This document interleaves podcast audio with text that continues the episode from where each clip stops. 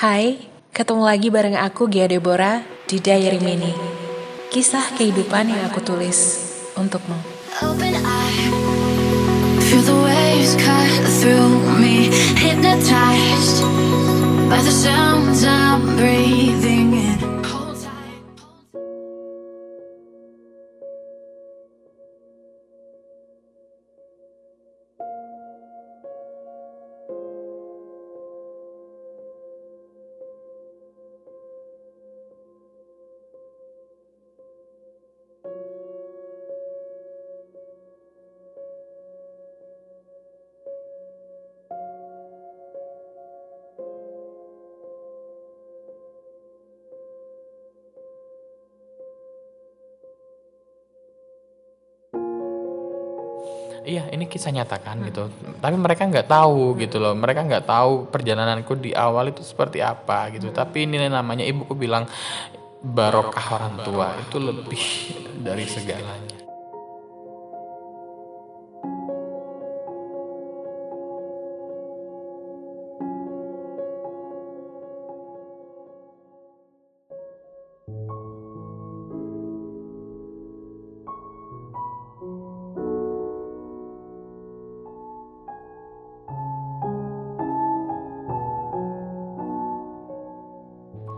Halo podcast Diary Mini balik lagi. Dan seperti biasa kalau Gea nge-podcast berarti akan ada atau banyak sekali cerita-cerita atau kisah dari orang-orang yang bisa menginspirasi kamu pendengar Diary Mini.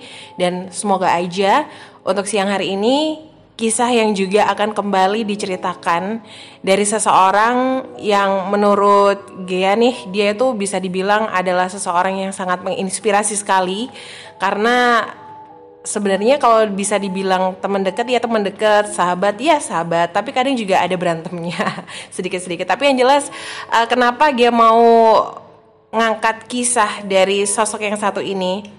Karena memang ini harus untuk didengar supaya siapa pun di luar sana yang sedang berjuang, yang sedang mencari, yang sedang menuju ke mimpi mereka agar tidak menyerah apa pun dan bagaimanapun kondisinya. Oke, langsung aku sapa. Hai Vidi.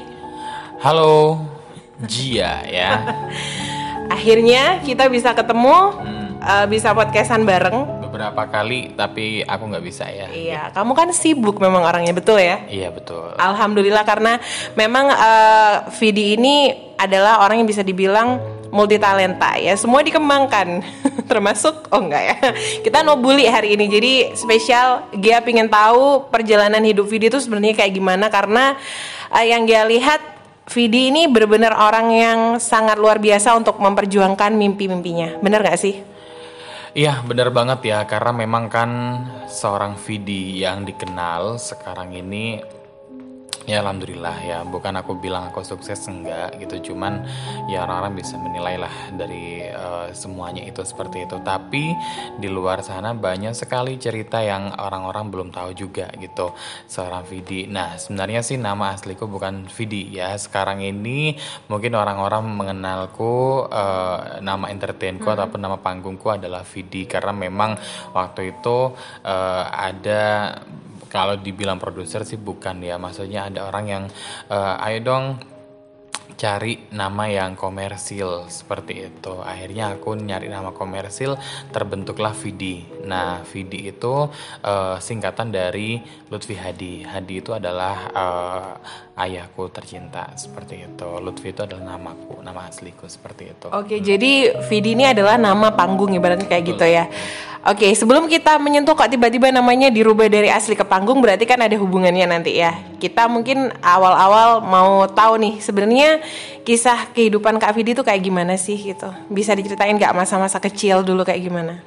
Ya, eh, ketika masa kecil aku ini apa ya namanya? Mungkin bisa dibilang sih agak nyeleneh gitu kan ya. Dari kecil aku tuh suka dengan seni dan sebagainya. Dan kebanyakan orang itu menganggap aku ini apa sih seperti itu. Kadang aku suka kalau kecil dulu drum band kemudian eh, jadi seorang penari dan lain sebagainya Eh serius bisa ngedance? Iya, eh, dulu aku malah dari kelas 1 sampai kelas 6 seperti itu. SD ya? SD, SD, MI ter- terutama ya. Karena memang aku basically itu dari religi semua seperti itu. Nah, terlepas dari SD ataupun MI eh, perjalananku sih oke ya gitu. Kemudian di SMP ataupun MTS aku eh, karena memang waktu itu perekonomian keluarga sangat-sangat kalau dibilang itu bukan menengah tapi bawah ya seperti itu. Jadi perekonomian tuh bawah karena ayahku adalah seorang bengkel las ya yang ada di desa yang penghasilannya tidak seberapa tapi capeknya luar biasa dan keringat ayah itu sangat luar biasa bagi aku. Kemudian eh, ibu aku eh, ibu rumah tangga yang sampai sekarang aku bilang mereka itu tetap polos.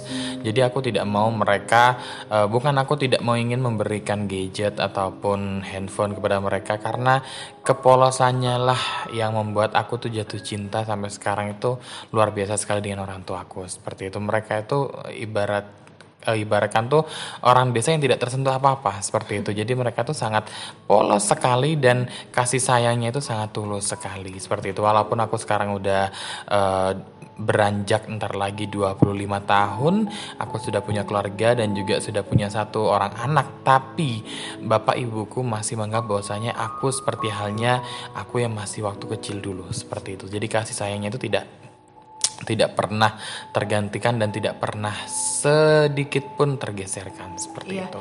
Uh, Vidi pernah ingat nggak sih tadi uh, kan Vidi sempat cerita tuh masa kecil gitu kan dengan kondisi latar belakang ekonomi seperti itu tapi sejauh ini sampai Vidi sudah uh, lulus kuliah ya Lulus kuliah sudah, kebetulan sudah strata satu ya, sudah sarjana itu dan ini ada kisah G ya, jadi Nah itu kisah. yang pengen tahu aku Nah. gimana ceritanya gitu. Baik. Dan uh, for your information aja kakaknya Vidi juga sekarang lagi menempuh ada kakak kandung ya sama adik. Kalau kakaknya lagi menempuh S2 gitu ya. Kakak menempuh S2, kebetulan kakak sudah menjadi kepala sekolah. Jadi dari seorang eh, anak dari seorang bengkel las, alhamdulillah anaknya menjadi kepala sekolah seperti itu. Itu kakak kamu kakak ya. aku. Kalau kamu sendiri kakak aku. Kalau aku sendiri eh, aku flashback lagi berarti ya flashback lagi Boleh, di beberapa tahun yang lalu. Dari SMP dulu deh dikit ya.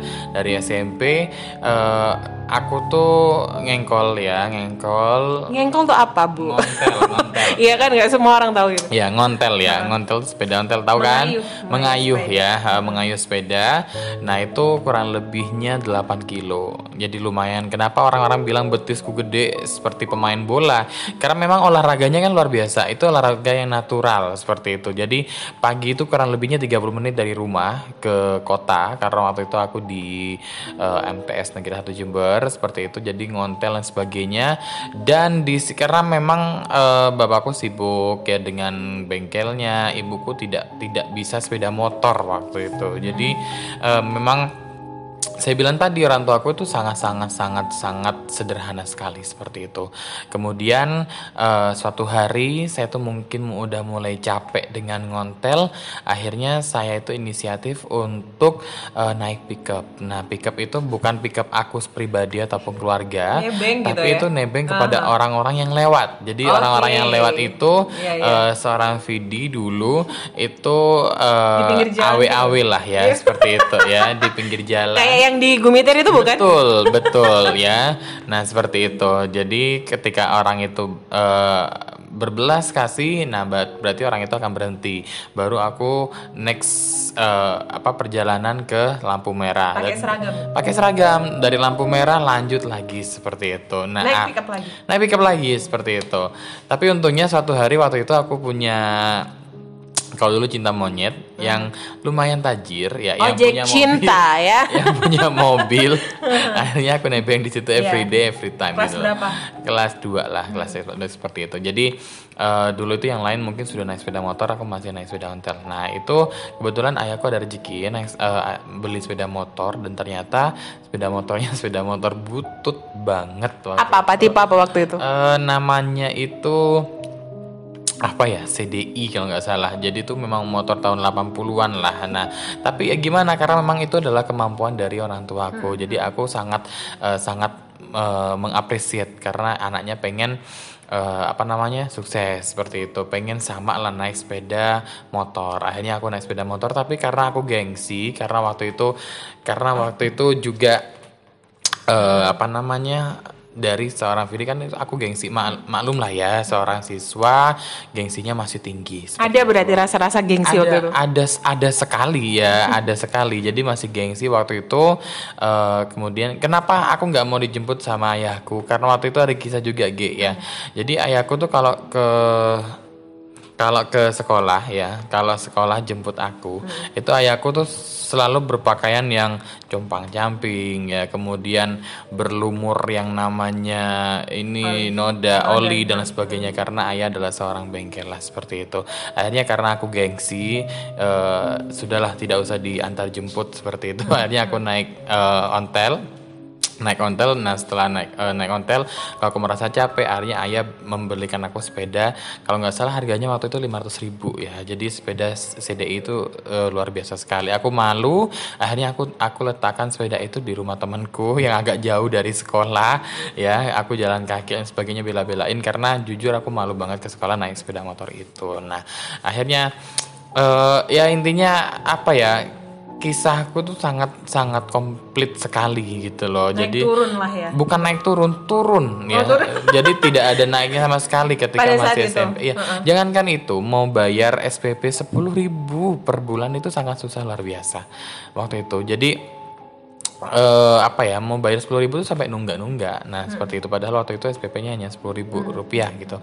Yang sekarang mungkin sepuluh ribu tidak ada apa-apanya bagi orang-orang. Tapi bagi aku makanya setiap rupiah aku merasa itu adalah rezeki yang begitu luar biasa. Seperti itu. Itu di ketika SMP ketika SMA pun juga tidak berhenti di situ. Mungkin perekonomian eh, naik turun naik turun ya. Tapi tetap masih belum bisa dikatakan menengah karena waktu SMA itu eh, apa namanya yang lain mungkin sudah naik sepeda motor bagus dan sebagainya. Kalau aku tuh sepeda motor tembakan. Jadi misalnya sepeda motor A gitu ya itu bukan A asli tapi itu KW gitu loh gitu, gitu, oke, oke, itu berasal dari negara China jadi eh, jadi Kayaknya aku tahu deh eh, motor yang ngetren di tahun itu. iya iya iya Awalnya J. Iya, iya. iya. Iya kan? ya itulah ya Iya, iya, gitu. iya, iya. Jadinya eh, tapi kan casingnya oke tapi berat banget luar Iya, biasa ya. Eh, you know that lah Hmm. itu. Jadi di SMA tuh masih belum selesai penderitaanku dan di situ eh, ya hujan-hujanan dan lain sebagainya. Kemudian di situ eh, mungkin sedikit membantu aku untuk beli bensin dan sebagainya. Karena memang waktu itu aku diberi sangu itu tidak lebih dari bensin. Jadi aku di sekolah ya udah yang lain jajan, mungkin aku sedikit untuk nahan diri untuk itu gitu loh. Baru misalnya aku kumpulin dua hari baru aku bisa jajan seperti itu. Jadi eh, dan mencari karena aku dari dulu dari SD SMP SMA itu entah kenapa aku tuh kalau nyari uang itu ada aja di otak gitu loh. Jadi misalnya membuatkan proposal teman-teman sebenarnya itu kan nggak boleh ya gitu. Jadi teman-teman yang males eh, ngerjakan tugas aku kerjakan. Kemudian eh, waktu ngeprint aku yang ngeprint. Padahal waktu itu aku juga nggak tahu caranya ngeprint gimana sebagainya. Jadi semuanya aku lakuin eh, dari SD itu seperti itu. Jadi ya, teman-teman yang nggak bisa aku lakukan seperti itu. Pekerjaan teman-teman yang nggak bisa aku lakuin. Nah, nah, akhirnya dibayarkan dibayar sepuluh ribu dua puluh ribu tiga ribu. Akhirnya aku mendapatkan uang jajan di situ seperti itu. Kelas 2 SMA baru ada kompetisi yang namanya eh, announcer. Waktu itu kelas 2 SMA announcer dan Di mana tuh? di boleh disebutin Boleh, ya? boleh disebutin di Mutiara FM nah waktu itu Kelas 2 ya kamu? kelas 2 SMA tapi aku tidak mengerti apa-apa tentang penyiar. Cuman aku suka aja seperti itu. Akhir- Awalnya ada basic nggak? Maksudnya nggak ada. Jangankan itu. Ngomong opening aku nggak bisa Jadi selamat siang, jumpa lagi bersama Vidi untuk edisi hat. Saya nggak bisa. Jadi waktu itu langsung di cut gitu. Jadi lagi dong, lagi dong. Nah ternyata jadi seorang penyiar itu tidak mudah gitu. Saat itu Seperti ya. saat itu. Dan akhirnya eh, ternyata aku lolos 12 besar. Entah melihat potensi apa aku juga nggak tahu dari seorang eh, coach waktu itu yang di Mutiara FM akhirnya aku lolos 12 besar. Nggak mungkin dong 12 besar kemudian aku nggak melakukan eh, suatu eh change lah ya gitu satu perubahan di situ. Akhirnya aku eh, melamar di radio amatir di radio yang hanya satu kamar box satu box gitu loh satu box aja di situ Yang dan di Mutiara gimana ceritanya? Oh, tetap berlanjut. Oh, kan tetap kan gini berlanjut. tuh, itu kan eh, ada session toh gitu. Oh, Jadi gitu. eh, setiap minggunya siapa, setiap minggunya siapa giliran. Nah, Hmm. aku tuh bulan depan kebetulan gitu loh, dapat loterian tuh bulan depan. Nah, selama satu bulan aku harus ngapain untuk memperbaiki karena aku opening aja nggak bisa Hmm, gitu. Akhirnya di dekat rumah tuh ada radio, yang radio yang satu kamar itu doang. Iya, Itu adalah di desa, sejarah di desa. di desa. Nah, akhirnya aku belajar di situ, G ya. Sama ini dong penyiar radio amatir. Mm-mm. Ya enggak, aku sendiri di situ. Oh, Jadi aku belajar di situ gini gini gini untuk melatih diriku dan akhirnya satu bulan itu paling enggak aku ada perkembangan lah. Opening aku enggak enggak bingung gitu loh. Otodidak berarti kamu ya? Otodidak banget di situ. Jadi aku otodidak banget dan baru mengenal YouTube itu pun aku lihatnya di warnet gitu dulu ya. Dan eh, di situ berjalan. Jadi sembari berjalan di Mutiara FM, aku sembari berjalan juga di namanya tuh Rise FM di radio amatir itu. Jadi aku sambil berjalan anggaplah ini adalah sebagai latihanku, di sini eksekusiku gitu. Jadi di situ terus berjalan sampai waktu itu kan eliminasi ceritanya. Jadi dari 12 besar, 10 besar, 8, 6 sampai ke babak grand final di 4 besar di situ. Kamu masuk di mananya? Empat besar alhamdulillah Wih, ya. keren dong ya. Dari se- dari seorang laki-laki desa yang tidak mengerti apa-apa gitu loh di situ. Dan dibanding teman-temanku tuh udah good looking ya. Ketika gini ada foto session waktu itu di GOR ya. Bajunya itu putih dan eh, celana hitam. Baju putihku karena the one and only gitu Iya, loh. iya. Jadi itu untungnya ada gitu ya yang warna ada putih, gitu kan. gitu sampai sekarang aku lihat ini baju putihku tuh sebenarnya udah nggak layak karena itu adalah waktu eh, baju ketika aku eh, SMP kelas 1 kalau nggak salah dan itu waktu itu sudah kelas 2 gitu loh jadi ya udahlah karena memang punyanya di situ gitu. Cukup tapi ya masih cukup ya. masih cukup karena kebetulan dulu aku 45 kilo Oke, ya, aku nggak bahas berat badan kalau Iya. sekarang ya. Kita lupakan dulu itu. Oke, lanjut lagi. Terus gimana setelah penyisian empat besar tuh? Setelah penyisian empat besar karena memang nggak ada juara 1 2 3 4 nggak ada gitu. Jadi dari grand final itu nantinya itu berarti itulah yang terbaik gitu. Baru dapat piagam, sertifikat sebagainya gitu. Dan lucunya lagi waktu itu kan ada Halloween party dan sebagainya. Nah, Halloween party yang lain udah keren-keren tuh ya. Eh, mungkin sekarang aku bisa menyesuaikan, tapi dulu kan aku bingung. Akhirnya aku hanya pakai selimut, jadi pocong gitu-gitu doang. Padahal yang lain tuh sudah jadi queen, Iya. jadi apa. Jadi mereka tuh udah jadi setan yang udah kekinian Iya, gitu iya, loh pada zaman lah, dulu. yang hits kalau kita lihat. Nah, aku taunya kan setan tuh pocong gitu loh. Ya udah, jadi pocong aja dan itu pakai selimut, selimut yang kayak selimut rumah sakit loh, yang Oh garis-garis my kayak gitu. Oh my God. Karena emang ya udahlah, aku nggak memperhatikan itu semua karena dengan polosnya aku seperti itu. Karena memang juga stok baju nggak nggak ada, Hmm. Nggak ada. ada sama sekali gitu loh, nggak ada sama sekali. Ya udah bajuku cuman gitu-gitu doang gitu. Hmm. Itu terus itu perjalanan aku sehingga empat besar jadi aku eh, awalnya itu adalah sembari ke radio amatir itu dan tahu you know that di radio amatir itu aku dibayar 20.000 ribu kira-kira 20.000 ribu Berapa lama tuh? Sebulan. tahun Oh my god. 20.000 ribu setahun sama Berapa coba ya? sama mie instan 8 itu jadi bayangkan setahun dibayar 20.000 ribu dan mie instan Seribu berarti per bulan nggak sampai. nggak sampai ya Hmm, oke oke, oke. itulah dia ya jadi eh, alhamdulillah dari seribu Hmm. sekarang jadi MC bisa satu juta Mm-mm. Terus terus. itu Jangan ke MC dulu. Ini kayaknya seru Iya, karena benar. kayaknya kalau Gia lihat juga Vidi nggak serta merta dari Mutiara aja kan sempat ke beberapa radio juga Hmm. kan. Terus sampai pada akhirnya di Radio Republik Indonesia. Nah itu kan ada perjalanannya Oke. gitu kan. Terus sampai kuliah juga. Terus sudut pandangnya Vidi ke orang tua itu gimana gitu. Hmm. Jadi ketika itu kan sudah selesai tuh Mutiara FM ya, sudah selesai Mutiara FM. Nah, ternyata sebelum selesai di Mutiara FM itu ketika di radio amatir itu ada satu orang yang itu juga salah satu produser ya itu ternyata dia itu juga salah satu penyiar di radio Kartika FM waktu itu dia tuh suka ketawaku. Jadi mungkin nggak suka dengan Gimana coba ketawanya? nggak tahu ya. Apa yang dulu yang dulu. mungkin Ingat. ya gini doang sih. Gitu ya gitu doang. Maksudnya natural gini aja. Kan aku orangnya suka ketawa ya. Kadang-kadang nggak ada yang lucu aja aku ketawa gitu loh. Dan Ramah gitu lah ra- di eh, gitu. bisa dikatakan seperti itu ya. nah jadi orang-orang itu mungkin dia ngelihatnya tuh ketawanya lepas gitu. Padahal aku ya udah aku tuh nggak sengaja ketawa ya udah ketawa gitu natural aja. Nah orang itu suka dengan ketawaku bilang ke ayahku kebetulan temennya ayahku juga gitu. Aku suka nih sama si Lutfi eh, namaku Lutfi kan gitu. Dulu aku suka sama anaknya anu apa sampean Pak gitu karena apa ketawanya bagus. Ya jadi bukan karena knowledge-nya bagus dan sebagainya ketawanya bagus gitu. Nah akhirnya aku diajak eh, waktu itu malam-malam ke eh, Kartika FM aku seneng dong karena di situ ada alun-alun Jember kan. Ya oh my god. Nggak apa-apa kan gitu. apa-apa, ini nggak kan apa-apa. cerita jadi aku Sama-sama. seneng banget Dulu gitu. juga pernah kagum banget datang ke Jember gitu. Sekarang jadi, penduduk sini. Eh, jadi aku nih kan jujur kan gitu. Aku kagum banget dengan alun-alun Jember. Wah akhirnya aku ke alun-alun Jember ya gitu dan sebagainya. Jadi aku tuh seneng banget di situ. Wih aku mau kerja di sini wih jadi bayangkan tuh kayak menemu nemu emas satu petak gitu loh, luar biasa dan akhirnya aku di eh, di situ tanpa audisi aku diterima tapi bukan ini ya bukan sabotase atau gimana enggak Karena dia memang posisinya mungkin butuh penyiar. posisinya butuh penyiar waktu itu dan melihat potensi. Nah, akhirnya aku di situ belajar. Akhirnya alhamdulillah aku di langsung diterima di training dan lolos dan tahu bayarannya waktu itu 3.000 rupiah. Dan kemudian naik menjadi 3.500 per jam. Itu naik pun karena aku minta, Pak sekarang ini bensin sudah enam setengah loh Pak. Waktu itu 6, nah, ya aku ingat banget ketika rapat, Pak sekarang bensin tuh 6.500 gitu. Masa bayaran kita 6.000 kan minus 500 Pak gitu.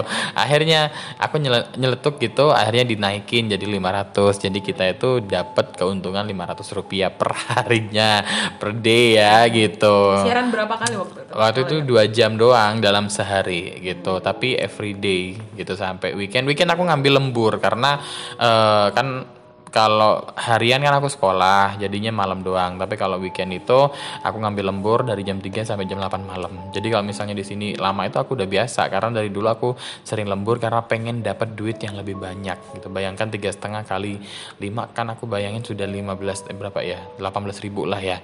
Itu aku senang banget. Jadi aku harus kerja keras di situ gitu. Oke, terus abis itu dulu pegang acara apa? Dulu pegang acara namanya Kontras kolaborasi lagu top teratas. Jadi itu seperti ya lagu-lagu pop gitu-gitu deh Punya gitu. fans gak?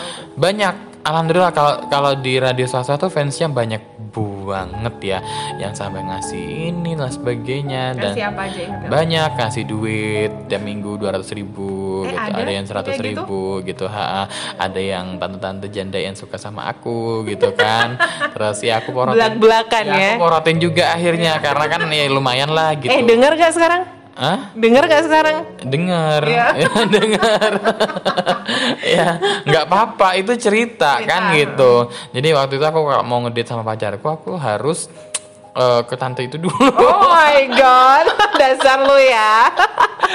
tapi itu namanya cerita, ini, cerita kan, ya, tapi kan cerita perjalanan gitu. True story. True story. ya. Terus gimana? Kalau dari orang tua kaget gak waktu itu lo kok tiba-tiba eh, Lutfi atau Vidi ini kok bisa ini sih apa namanya? Jadi penyiar dari mana juntrungannya gitu? Nah, iya kan ayahku seorang bengkelas, ibuku Hmm. seorang rumah ibu rumah tangga. Nggak ada karena kalau menurutku ini juga pelajaran ya bagi yang lagi denger juga gitu. Nothing is impossible, impossible is nothing. Jadi nggak ada yang tidak mungkin di dunia selama kita mau berusaha dan eh, tergantung dari niatan semuanya seperti itu. Jadi aku nggak ada. Bahkan ayahku sendiri tuh nggak percaya gitu loh. Jadi waktu itu yang di Mutiara FM itu yang daftar tuh aku sama sepupuku, mbakku seperti itu. Dan yang dieliminasi tuh mbakku, ayahku tuh marah-marah ke aku. Kamu tuh anu padahal tuh bagusan mbakmu gitu loh. Mbakmu tuh bisa nyanyi, suaranya bagus. Kenapa kamu yang lolos? Nah, itu ayah kandungku sendiri gitu loh. Loh, Loh ya nggak tahu ya gitu. Saya juga nggak tahu gitu. Nah, terus eh, suaramu tuh jelek Ay- sampai sekarang tuh terngiang-ngiang sekali. Alhamdulillah ha- hari-hariku sekarang ini aku bisa mencukupi keluargaku dan sebagainya aku bisa menabung dari suaraku seperti itu. Nah, ayahku bilang suaramu ini jelek nggak nggak pantas jadi penyiar dan sebagainya. Nah, sampai sekarang ayahku sebenarnya nggak percaya aku itu ada di posisi ini karena ayahku bilang ya Maksudnya ini semuanya gitu ya? keberuntungan. Jadi ayahku sekarang tuh tetap tetap nggak mengakui, tetap kekeh dan nggak ngakui bahwasanya suaraku bagus. Atau kamu Bilangnya itu keberuntungan ya, gitu. kamu per- jadi profesi kan sekarang Iya bener loh bahkan jadi ya itu adalah makanku di situ gitu loh. Ayahku sampai sekarang nggak percaya dan itu adalah keberuntungan, bukan eh, kamu punya good voice. Enggak sama sekali. Iya. Kalau reaksi saudara-saudara ketika kamu jadi penyiar gimana? Ya kaget shock dong. Karena memang aku kan kecilku tuh pendiam tahu nggak sih? Jadi kecilku tuh pendiam sampai SMP pun juga pendiam. Guru-guruku kaget semua aku jadi penyiar jadi MC kok bisa ya si Rosvi itu jadi MC kok bisa ya jadi? Loh kok malah lucu ya di panggung sebagainya? Aku juga gini kayak ada dua sisi yang berbeda gitu loh. Ketika sehari-hari sama di panggung gitu. Jadi ketika di panggung tuh nggak tahu aku menemukan jati diriku yang bener-bener lepas aja. Kalau mau nyaman kalau mau humoris ya aku bener-bener nggak garing gitu loh. Nah kalau di kehidupan sehari-hari kan aku bingung mau ngapain dan sebagainya mau ngomong apa gitu. Jadi ke keluargaku sampai keluargaku tuh imageku ini bukan orang yang intinya ceroa apa sih bahasanya Iya, kalau iya, ceroa iya, ya iya. bukan orang yang eh, suka ngomong enggak di keluarga aku tuh Bukan orang tubir lah ya. Ah, betul. Jadi di keluarga aku tuh apa ya? Ya aku pendiam gitu loh. Jadi dari dulu dari kecil tuh aku pendiam. Guru-guruku dari SD sampai sekarang itu bilangnya ya kamu ya ag- kaget gitu karena aku pendiam kok bisa jadi penyiar gitu. Jadi keluarga aku juga kaget loh. Kamu kan karena aku dulu kayak kaum minoritas gitu loh. Jadi aku nggak ya udahlah eh, belajar ya mungkin sekolah-sekolah gitu doang. Cupu lah bisa dibilang. Betul, bisa dibilang cupu lebih tepatnya itu. Nah, itu kan dari sisi sebenarnya kalau bisa dibilang karir iya, tapi mulainya secara nggak sengaja pas waktu SMA kan, di ketika kamu masih Hmm. Karena- menempuh pendidikan gitu. Betul, karena itu duit. Jadi aku tuh memang mata duitan dari dulu. Karena memang kondisi. Karena kondisi gitu loh. Aku nih gimana sih caranya? Nah, untungnya Allah itu memberikan otak aku nih yang begitu luar biasa. Aku bukan orang pinter, tapi aku Orang mujur gitu. mujur bukan aku tuh selalu punya gini loh ketika kamu mentok di satu jalan itu dan itu buntu aku tuh ada aja jalan yang sekiranya itu nggak stop di situ gitu loh. Jadi otakku tuh selalu kayak gitu. Nah dari dulu gitu. Jadi gimana sih caranya untuk bisa survive? Gimana caranya untuk bisa eh, aku ini bertahan hidup? Aku pengen bertambah duitnya dan sebagainya. Nah waktu itu ada audisi itu namanya waktu itu nggak apa-apa ya disebutin ya brandnya. nah waktu itu namanya Promak apa gitu. Pokoknya di situ di eh, Mutiara eh, Mutiara Ghost to School itu. Dan aku ikut dan ternyata aku juara satu di situ. Padahal aku juga nggak ngapa-ngapain. Maksudnya aku cuman iseng-iseng aja. Oh duit nih. Jadi kalau ada lomba tuh mesti oh ini duit nih. Jadi aku ikut aja. Padahal aku tuh nggak tahu gitu nggak bisa. Puisi juga gitu. Eh woi duit nih. Akhirnya aku ikut juga. Jadi semua perlombaan makanya kalau di kalau piala di rumahku tuh trofi banyak banget gitu. Karena memang aku suka festival bukan niatanku untuk prestasi dulu. Niatanku ya duit gitu loh. Dan ternyata sampai sekarang alhamdulillah efeknya luar biasa gitu. Jadi dulu niatanku duit dari lomba itu Iya sebenarnya kamu nggak ambisi untuk jadi seorang yang wow atau ini gue bersaing gitu enggak niatanmu karena memang ingin membantu perekonomian Bertahan orang tua hidup gitu aja dan ya surviving lah ya. Betul, surviving gitu. Jadi aku bertahan hidup eh, dari lomba-lomba waktu itu kan. Kan lomba biasanya kan ada uang tunainya 200 ribu, 300 ribu. Nah itu lumayan banget bagi aku gitu. Ngasih orang tua nggak sih ketika kamu udah dapet duit pada saat itu ketika kamu udah kerja di radio dan yang lain-lain gitu? No lah. kalau kalau radio ya jelas lah. Maksudnya ya, gini loh. Orang aku nggak ngasih orang tua, tapi bagi aku ya, bagi aku aku sudah cukup ke orang tua. Kenapa? Karena kuliah overall insya Allah itu aku ya gitu. Terus tiap hari itu aku gitu. Jadi aku tuh sendirian, maksudnya bensin apa kayak dan sebagainya. Aku nggak minta uang saku ke orang tua dan itu goalku yang begitu luar biasa. Kalau menurut aku loh ya, dengan gaji yang 200 ribu per bulan, aku bisa bensin dari aku. Kalau makan orang tua kan, karena aku nggak ngekos waktu itu gitu loh. Tapi masa sih nggak ngasih kan nggak mungkin lah ya. Ngasih. Karena nggak ada sisa gitu loh. Oh, dari gitu. dari bensin, makan dan uang Oh, kuliah. gitu ya, real. Real. Jadi aku mau ngasih gimana gitu kan. Pada saat itu. Pada saat itu, tapi kan bagi aku aku sudah me- Membanggakan. membanggakan orang tua dan aku membantu. Dengan tidak Setidaknya orang tua tidak memikirkan aku untuk besok ini gimana? kamu kuliahnya pakai uang apa gitu loh. Setidaknya itu kalau menurutku itu lebih dari ngasih ke orang tua. Ngasih ke orang tua sekali udah gitu kan tapi kalau aku buat biaya kuliahku buat muter hidupku dan sebagainya nah itu kayaknya sih kalau menurutku itu lebih lebih dari aku ngasihkan ke orang tua aku gitu karena memang realnya aku ya dari mana lagi duit gitu Iya dengan kondisi seperti itu kan ya. Terus uh, ketika sekarang nih kan Kak Vidi udah dengan job-job uh, yang MC yang sangat luar biasa. Jadi ceritanya nih uh, pendengar podcast dari Mini setelah uh, Vidi ini mulai karirnya tadi udah diceritain ya. Uh, kemudian uh, dia akhirnya uh, jadi MC profesional bisa dibilang seperti itu dengan penghasilan yang rata-rata bisa dibilang hitungannya juta gitu kan tergantung event yang dipegang. Nah dengan uh, keuangan yang seperti itu dan ditambah rezekinya juga bekerja di uh, radio negara gitu kan ya dengan proses audisi juga ya dan kena waktu itu ya. Ya alhamdulillah dapat juara dua ya. Hoki banget ya kakak ini ya. Iya alhamdulillah. Nah aku juga mikirnya tuh bukan apa dulu duit, Oh, Jadi- iya. dan ternyata nggak dapat duit. Tapi duitnya kan Tapi sekarang lebih- lebih, lebih duit gitu, betul, Ba- ya. dapat sahabat, dapat Jadi saudara aku pulang gitu kan. sedih gitu loh. Pulang aku sedih. Awalnya. Ya kok cuman teropi doang gitu kan. Jadi aku sedih kok cuman teropi doang, duitnya mana gitu. Jadi aku sedih sepanjang jalan tuh aku sedih. Ya udahlah gitu kan. Dan ternyata Allah rencana Allah itu lebih indah daripada rencana kita. gitu. Iya betul. Nah sekarang kan udah enak nih bisa dibilang uh, mapan gitu. Apa yang sudah pernah i- kamu ingat yang udah kamu lakukan ke orang tua dengan kondisi seperti itu yang kamu balik dari kehidupan kamu kepada kehidupan mereka apa?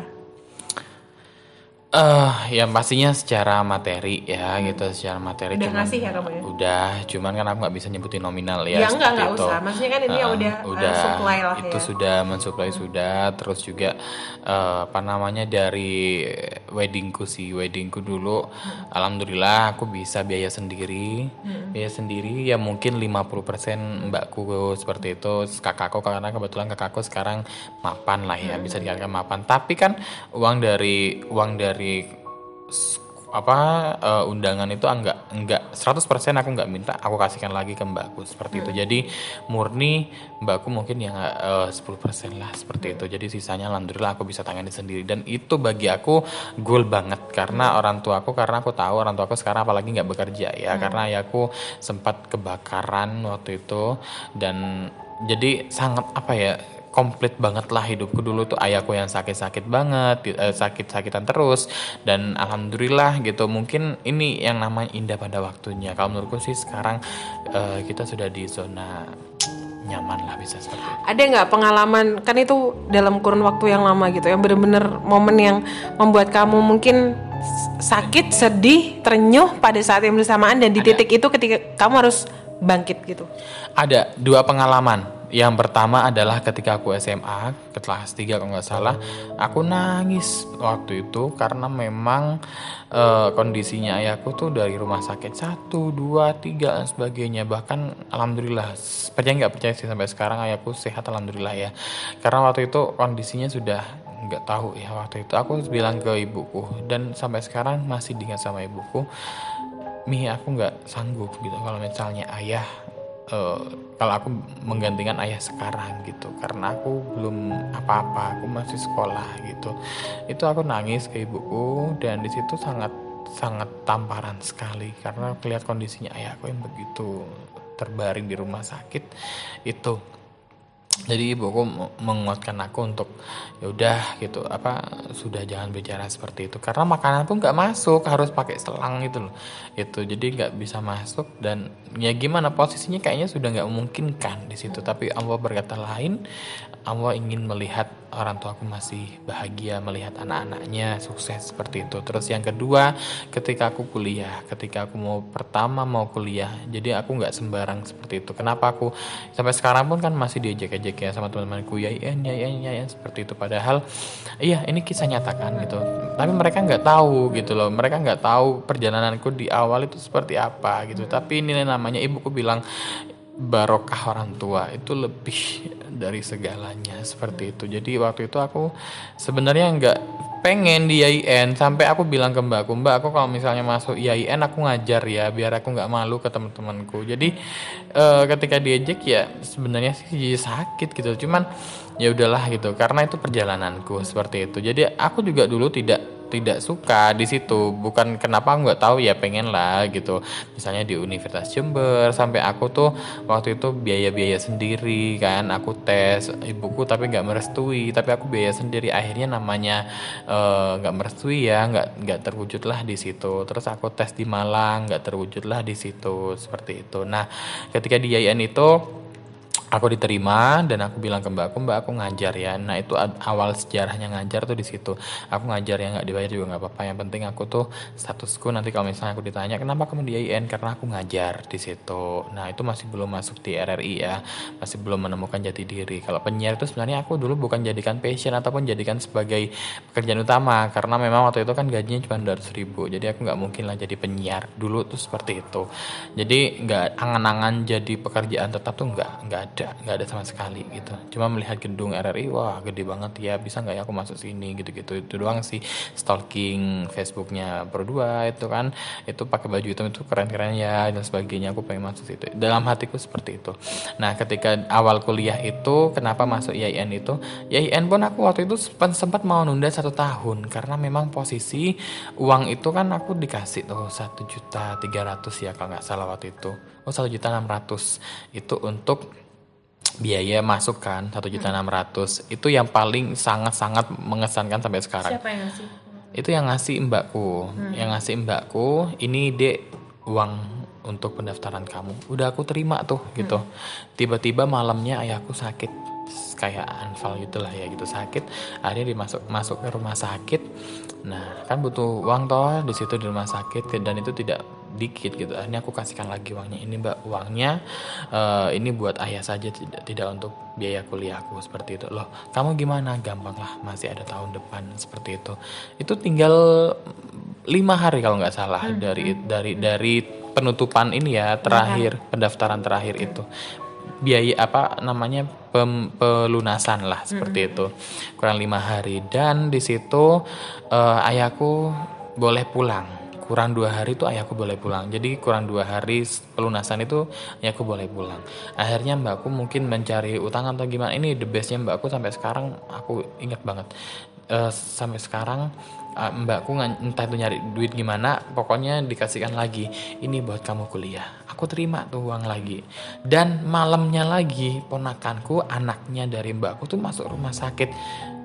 Percaya nggak percaya nggak sih ya? Ini memang real life gitu loh. Akhirnya aku kasihkan lagi nih mbak buat biayanya Karisa terus kamu gimana? Ini kurang dua hari. Ya sudahlah nggak usah sudah. Wes next year gitu tahun depan aja. Dan ternyata Allah itu luar biasa. Aku nangis sendirian nangis sendirian termenung uh, ya mungkin aku pengen lah sama teman-teman ya kuliah hmm. gitu dan sebagainya.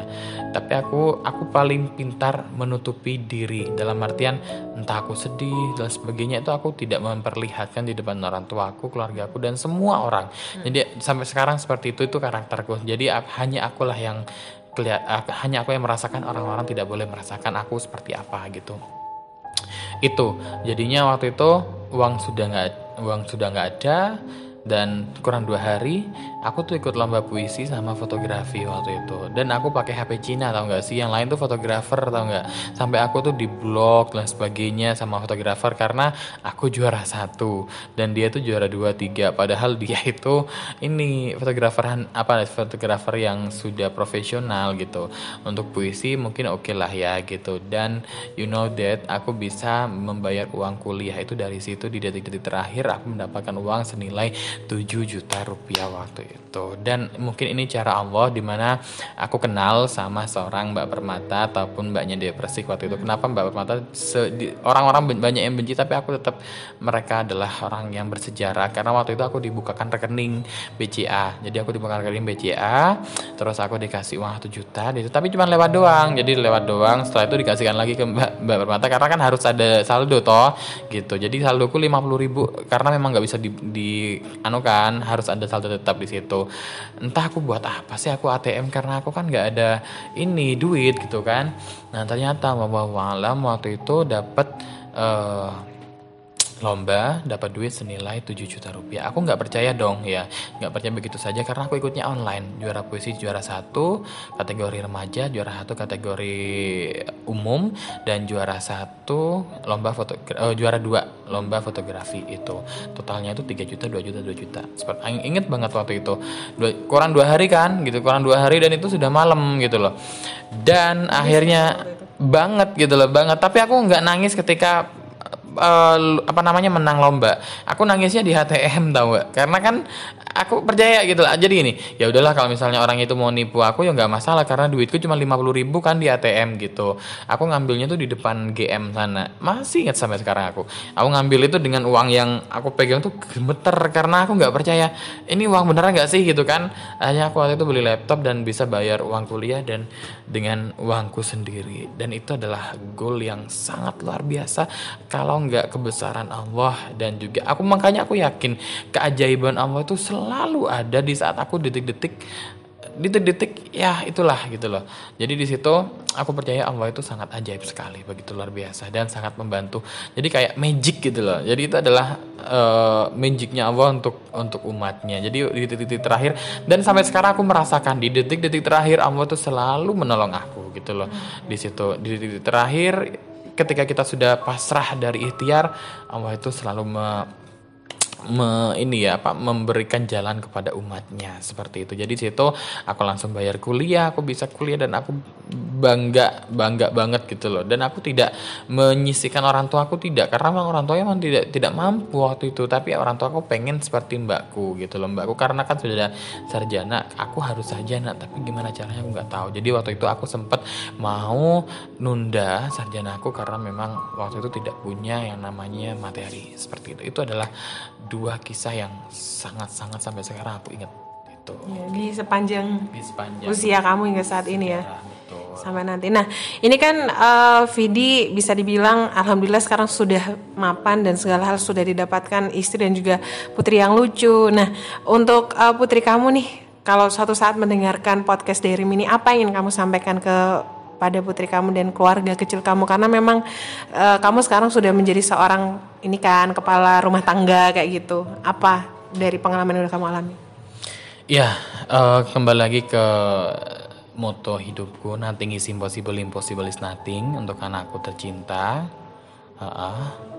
Nothing is impossible, impossible is nothing. Gak ada yang tidak mungkin di dunia ini selama kita mau berusaha dan cintailah kesederhanaan seperti itu. Udah.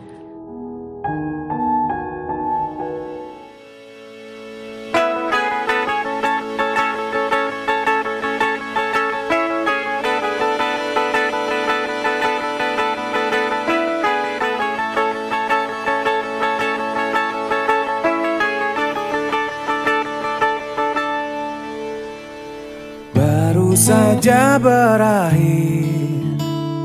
Hujan di sore ini Menyisakan keajaiban. Kilauan indahnya pelangi.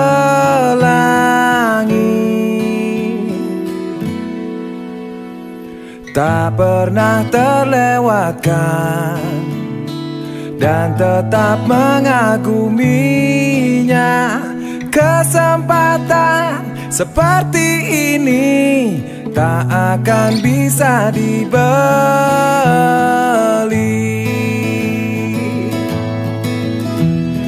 Bersamamu ku habiskan waktu Senang bisa mengenal dirimu Rasanya semua begitu sempurna Sayang untuk mengakhirinya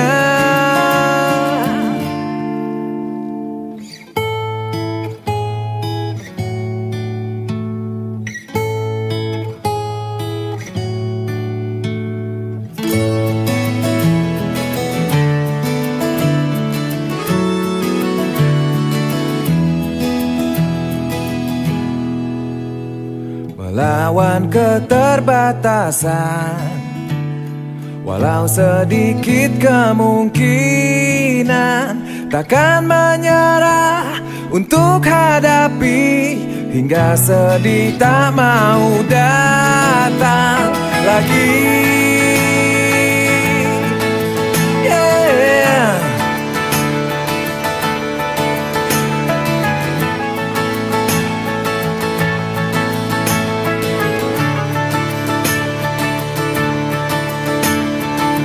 Bersamamu.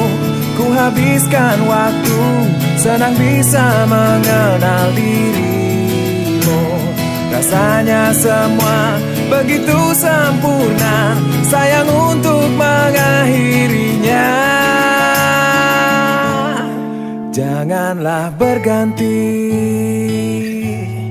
Janganlah berganti Janganlah berganti. Tetaplah seperti ini. Oh, Janganlah